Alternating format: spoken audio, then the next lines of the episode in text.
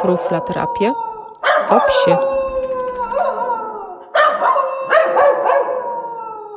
Cześć, tu Ela Wojciechowska, zoopsycholog i instruktor Nosework z Truflaterapię. Zapraszam Cię do mojego podcastu o psie.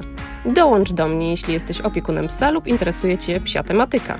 Ten podcast pomoże Ci jeszcze lepiej zrozumieć Twojego futrzastego przyjaciela. Mam nadzieję, że spędzisz miło czas słuchając mojego podcastu. Zapraszam Cię również na moją stronę internetową truflaterapię.pl, gdzie znajdziesz wszelkie potrzebne informacje dotyczące konsultacji online oraz treningów Nosework. Jeśli będziesz potrzebować dodatkowych informacji, to zapraszam do kontaktu mailowego lub telefonicznego. A teraz zapraszam Cię już na kolejny odcinek mojego podcastu i życzę przyjemnego odsłuchu. Cześć! W dzisiejszym odcinku opowiem o wpływie lockdownu na zachowanie psów i spróbuję odpowiedzieć na kilka pytań, między innymi takich jak czy lockdown sprzyja psom, czy przebywanie opiekuna cały dzień w domu jest dobre dla psa, czy warto wychować szczeniaka w lockdownie, jakie skutki dla opiekuna i psa niesie ze sobą zamknięcie? I jak wykorzystać lockdown z korzyścią dla nas i dla psów.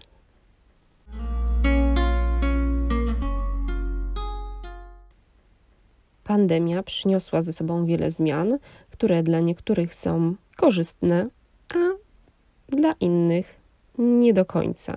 Od marca zeszłego roku co jakiś czas wprowadzane są różne obostrzenia dotyczące zarówno ludzi, ale również i psów.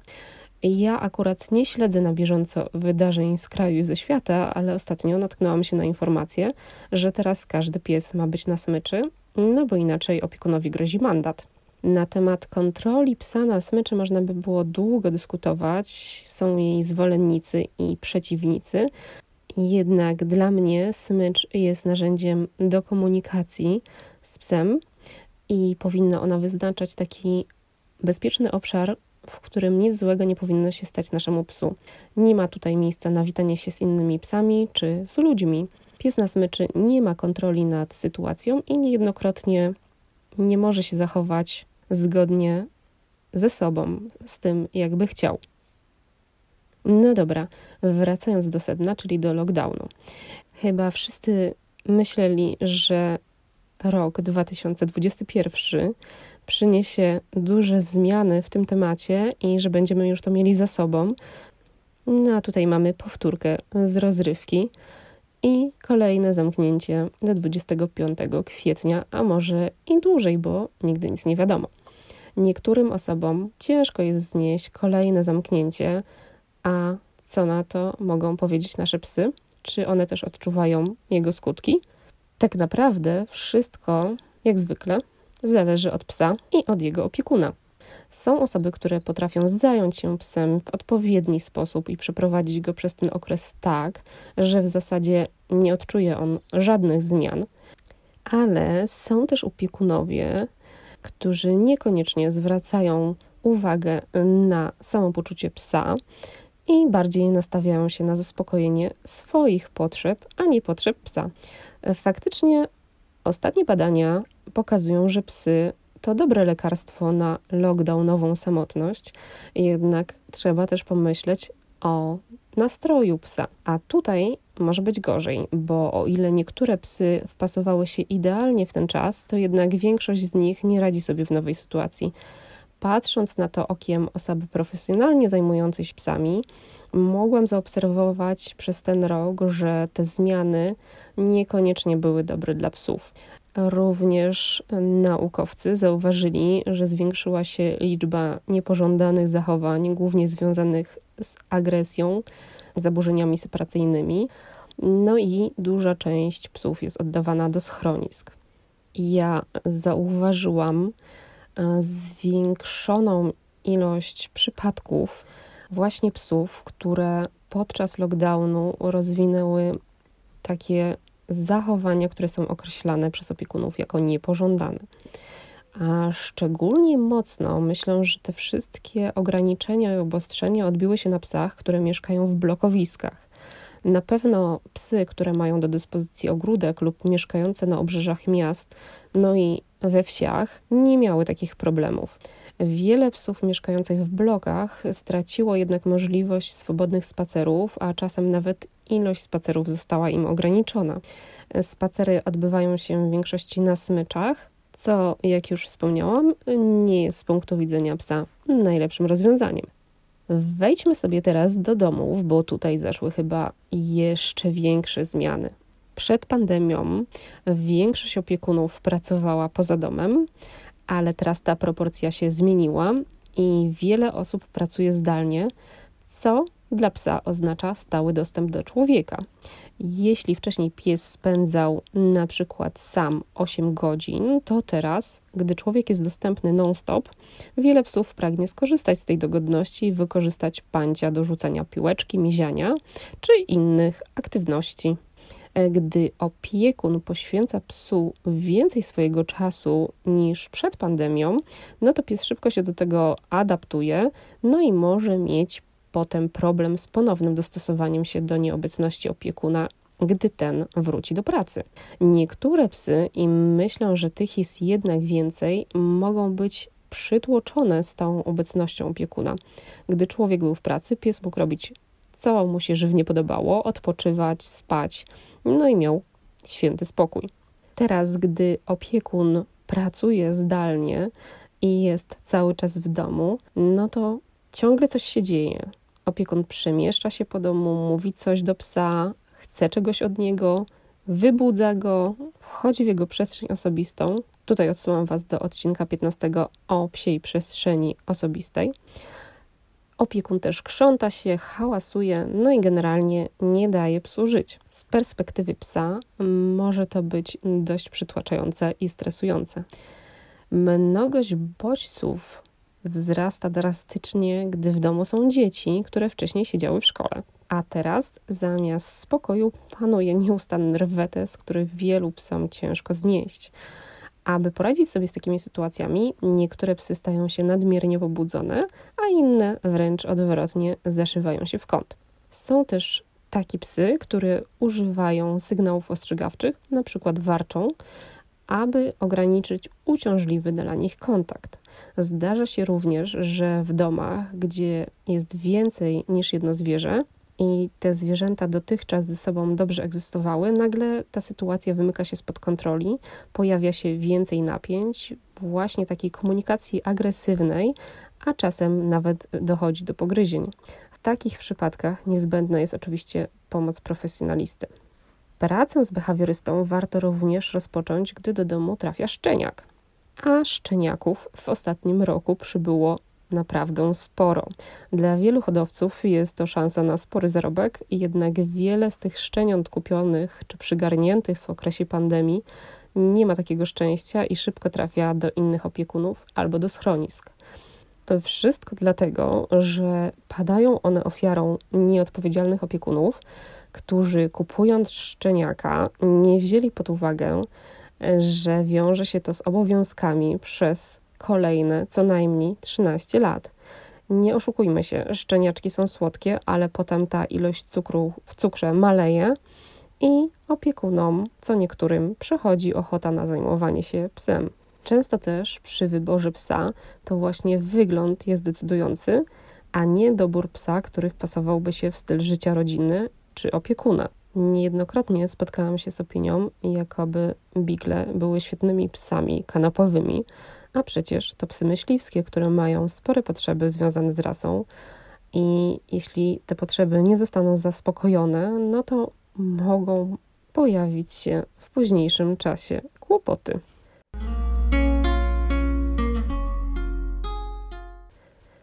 Najczęściej osoby takie, które podejmują nieprzemyślane decyzje, w niedługim czasie oddają psy, gdyż nie potrafią sobie poradzić z ich zachowaniami, które odbierają jako niepożądane.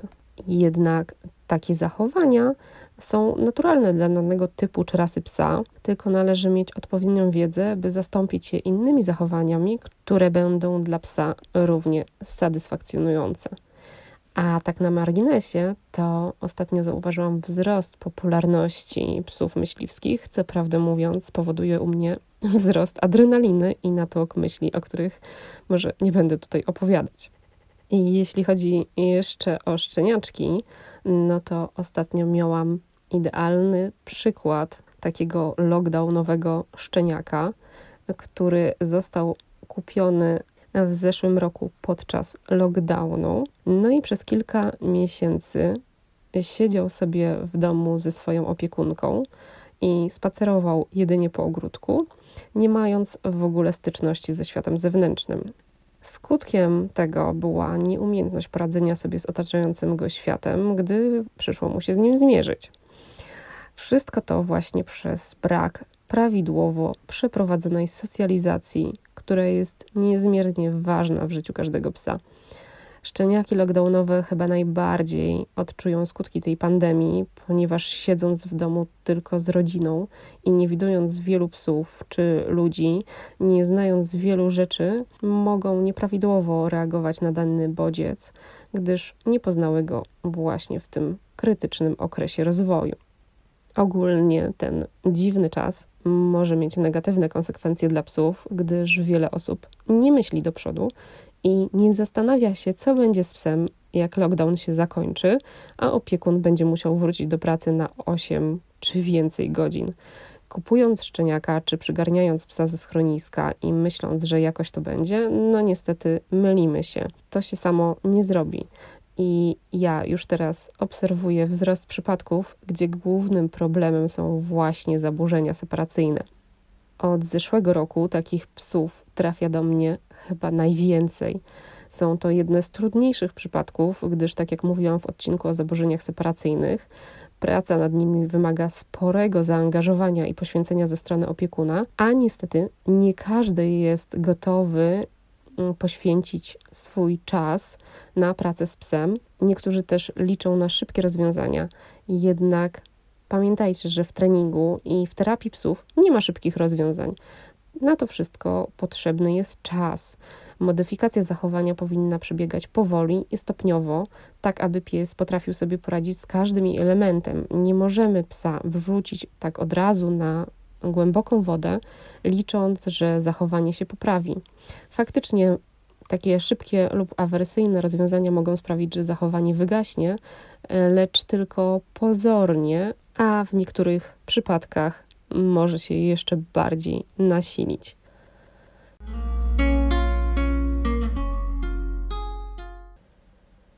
Pomimo wielu niedogodności, jakie niesie ze sobą lockdown, uważam, że jest on idealnym czasem na pracę z psem.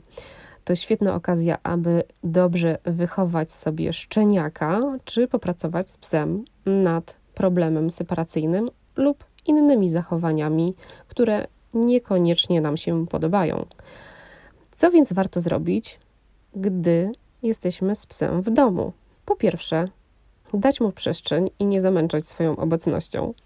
Po drugie, wygospodarować czas na zabawę i naukę zachowań. Wystarczy naprawdę kilka minut dziennie. To ma być przyjemność dla Was i dla Waszego psa, więc nie przesadzajcie z tą ilością ćwiczeń. Po trzecie, długie spacery, na których pies może sobie eksplorować teren we własnym tempie. I taki spacer jest świetną okazją, żeby pies poznał nowe zapachy, więc warto gdzieś pojechać trochę dalej z psem do jakiegoś lasu czy na jakąś łąkę, gdzie będzie mógł sobie wciągać swoim nosem nowe wonie. Pamiętajcie, że spacer jest dla psa, a przy okazji wy korzystacie z jego dobrodziejstw. Ze spacerami jest też tak, że trzeba patrzeć na swojego psa i go obserwować, bo nie każdy pies lubi spacery. Także zwracajcie uwagę na to, co mówi do Was Wasz pies. Po czwarte, zachowanie takiej samej rutyny jak każdego dnia jest dość ważne w przypadku większości psów. Jeśli zachowamy te same pory spacerów, posiłku czy aktywności, to pies, gdy wrócimy do pracy, nie odczuje tego tak bardzo. Jeśli natomiast zmieniamy rutynę na czas, kiedy jesteśmy w domu, no to pamiętajcie, aby wrócić do tej starej jeszcze zanim pójdziecie do pracy, tak aby pies mógł się do niej na nowo przyzwyczaić. Po piąte, izolowanie się od psa na jakiś czas po to, aby stworzyć warunki podobne do tych, które będzie miał, gdy wrócicie do pracy Oczywiście nie mówię tutaj o izolowaniu się od niego na całe 8 czy 9 godzin, ale warto zrobić sobie takie krótkie izolacje, krótkie odcięcie się od psa, właśnie po to, żeby nie przyzwyczajał się do waszej stałej obecności w domu. A oprócz tego, jeśli wasz pies jest z wami od niedawna, to warto poćwiczyć takie pozorowane wyjścia z domu, tak aby gdy wyjdziecie, nie przeżył szoku. A jeśli borykacie się z poważniejszymi problemami, to nie ma na co czekać, tylko należy zgłosić się do profesjonalisty po pomoc. Czekanie tylko pogarsza zachowanie, gdyż pies ma czas na jego doskonalenie. Mam jednak nadzieję, że Wy, jako świadomi opiekunowie psów, radzicie sobie dobrze ze swoimi futrzakami w tym trudnym dla wielu osób czasie. Ok, i na tym zakończę dzisiejszy odcinek. Dziękuję Wam jak zawsze za poświęcony czas i za wysłuchanie mnie.